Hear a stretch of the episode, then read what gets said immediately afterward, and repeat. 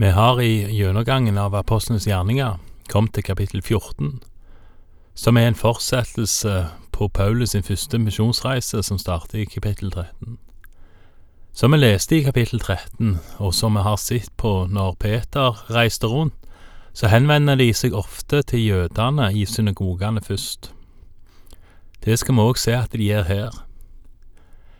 En annen ting som går igjen, er at frimodig forkynnelse kommer ofte med to konsekvenser omvendelse til tro og forfølgelse av de kristne. En leser lite om at folk er nøytrale, at de ikke forholder seg til det som blir forkynt, eller at de prøver å ignorere det. Hvis en opplever at mennesker forholder seg nøytrale eller forsøker å ignorere, isolere, stigmatisere eller på andre måter forsøke å, å hemme forkynnelsen av Kristus, så kan det kanskje være en idé å se på hva som forkynnes, og hvordan det forkynnes. Det er i alle fall, så langt jeg kan forstå, få som stiller seg nøytrale, eller som stilte seg nøytrale til det Peter, Paulus og de andre forkynte. Nok et eksempel på det kommer nå. Vi leser fra Apostlenes gjerninger, kapittel 14, vers 1.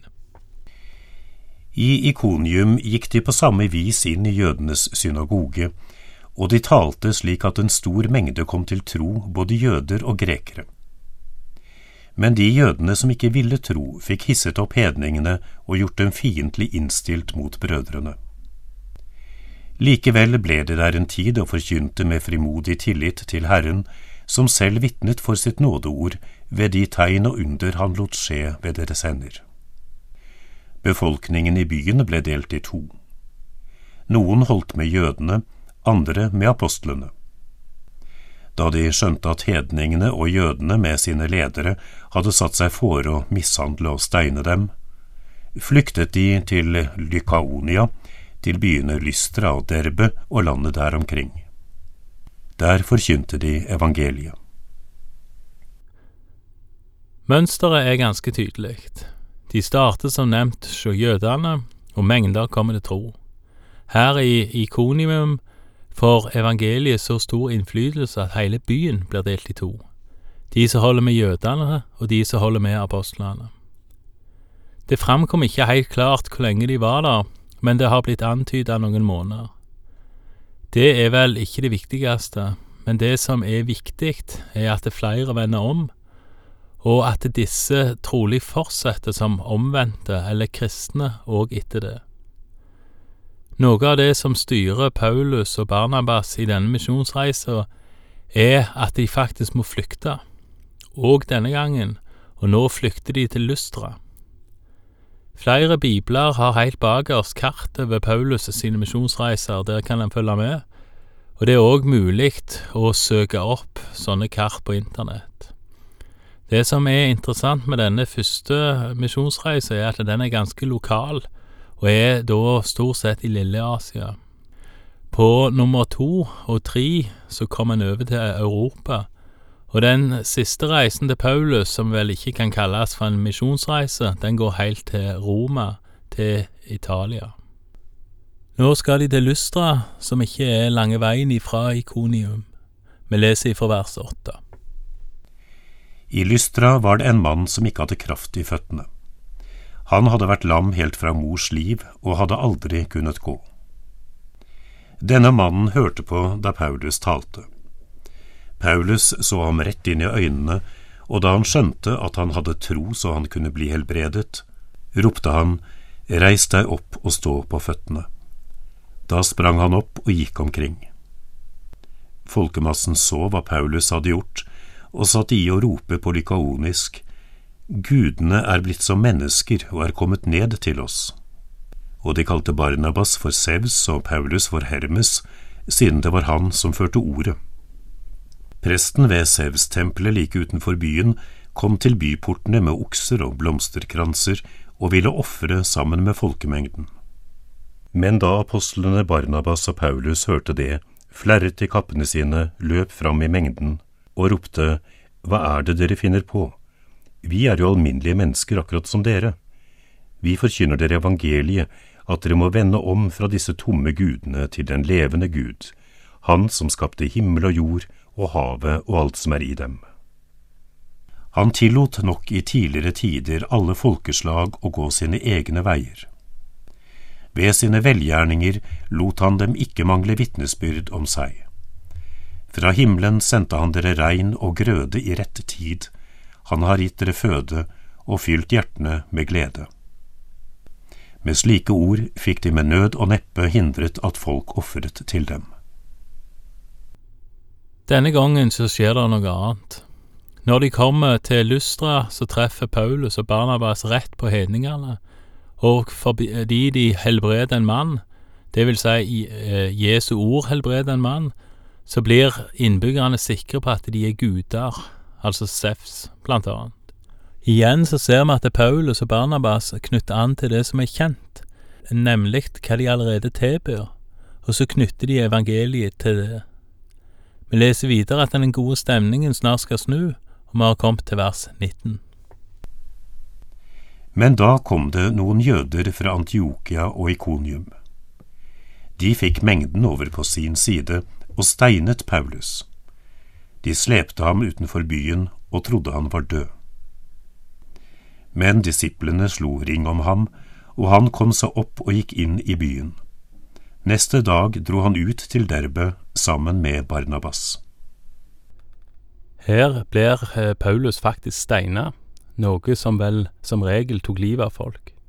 Hvorfor folk trodde han var død og derfor ga seg, det framkom ikke. Det kan ha vært et under, men det står det i alle fall ikke noe om her. Disiplene de passte på han, og han kom seg. Dagen etter så dro Paulus videre sammen med Barnabas. Og det som er litt av refrenget i disse korte historiene, det gjentar seg. De kom, de forkynte evangeliet, det blei bråk, og de måtte videre. Men evangeliet var sådd, og det spirte, som vi skal se. De flykta ifra Lystra til Derbe, og det er der de er nå, når vi leser videre ifra vers 21. De forkynte evangeliet i denne byen og vant mange disipler. Så reiste de tilbake til Lystra, videre til Ikonium og derfra til Antiokia. De styrket disiplene og formante dem til å holde fast ved troen og sa, Vi må gå inn i Guds rike gjennom mange trengsler. Etter at mange blei disipler i Derbe, reiste de videre til Lystra. Kanskje det med disipler er noe som kan virke fremmed for noen. Er disippel og kristen det samme? Ja, jeg vil si at det er det. Jesu kall til oss alle er det samme, og en kan ikke være det ene uten å være det andre. Altså, er en en disippel, så er en kristen, og er en kristen, så skal en være en disippel. Så hva er da en disippel? Jo, det er en lærling, eller en læresvein, som det kanskje noe enklere heter på nynorsk. Kanskje er det noen som opplever det som vanskelig i våre dager. Det er kanskje fint å ha Jesus som frelser, som en som har gjort opp uh, for det som gikk galt, sånn at en har noen å vise til foran dommen en dag. Men kanskje sitter det lenger inne å ha Jesus som Herre. For det er vel det som det ligger i å være disippel, nemlig å underkaste seg en herre, underkaste seg den Herre Jesus Kristus. Så hvordan blir en da disippel? Det svarer Jesus på, faktisk når han kaller sine disipler til å gå ut i all verden og gjøre nye disipler. Det står helt i slutten av Matteusevangeliet, kapittel 28, fra vers 18b. Jeg har fått all makt i himmel og på jord, gå derfor ut og gjør alle folkeslag til disipler. Døp dem til Faderen og Sønnen og Den hellige ånds navn, og lær dem å holde alt det jeg har befalt dere. Og se, jeg er med dere alle dager inntil verdens ende. Så når Jesus ber disiplene om å gå ut og gjøre nye disipler, så ber han de om å gjøre om igjen det samme som han har gjort for deg. Døype de og lære deg å holde det som han har lært i. Holder en alt det Jesus har befalt, så innebefatter det blant annet å ta opp sitt kors og følge Jesus. Vi leser videre om hvordan Paulus og Barnabas ikke bare gjorde den enkelte til disippel, men òg la føringer for hvordan menighetene i de ulike byene skulle organiseres. Vi leser videre fra vers 23. I hver menighet valgte de ut eldste for dem, og under bønn og faste ga de dem over til Herren, Han som de var kommet til tro på. Så reiste de gjennom Pisidia og kom til Pamfylia. De forkynte ordet i Perge og dro så ned til Atalia. Derfra seilte de tilbake til Antiokia, det stedet hvor de en gang var blitt overgitt til Guds nåde for å fullføre den oppgaven som nå var avsluttet. Da de var tilbake her, samlet de menigheten og fortalte om alt det Gud hadde gjort gjennom dem, og at han hadde åpnet troens dør for hedningene. Her ble de en lang tid hos disiplene. Paulus og Barnabas valgte ut eldste, altså ei gruppe som skulle lede menigheten, og under bønn og faste ga Paulus og Barnabas dette eldsterådet over til Gud. Så reiste de faktisk videre. Og det kan en vel lære noe av i dag, og det er vel òg fremdeles på samme måten mye av misjonen drives. En kommer til en plass med to klare mål. For det første at mennesker, altså enkeltmennesker, skal møte Jesus og vende om. Og Det andre målet er at disse enkeltmennesker skal kunne utgjøre en menighet sammen, eller en forsamling, sånn at de kan bli bevart og utrusta og utrusta hverandre, men òg sånn at de etter hvert kan bli sjøldrevne og sjøl sende ut eh, misjonærer til andre menigheter.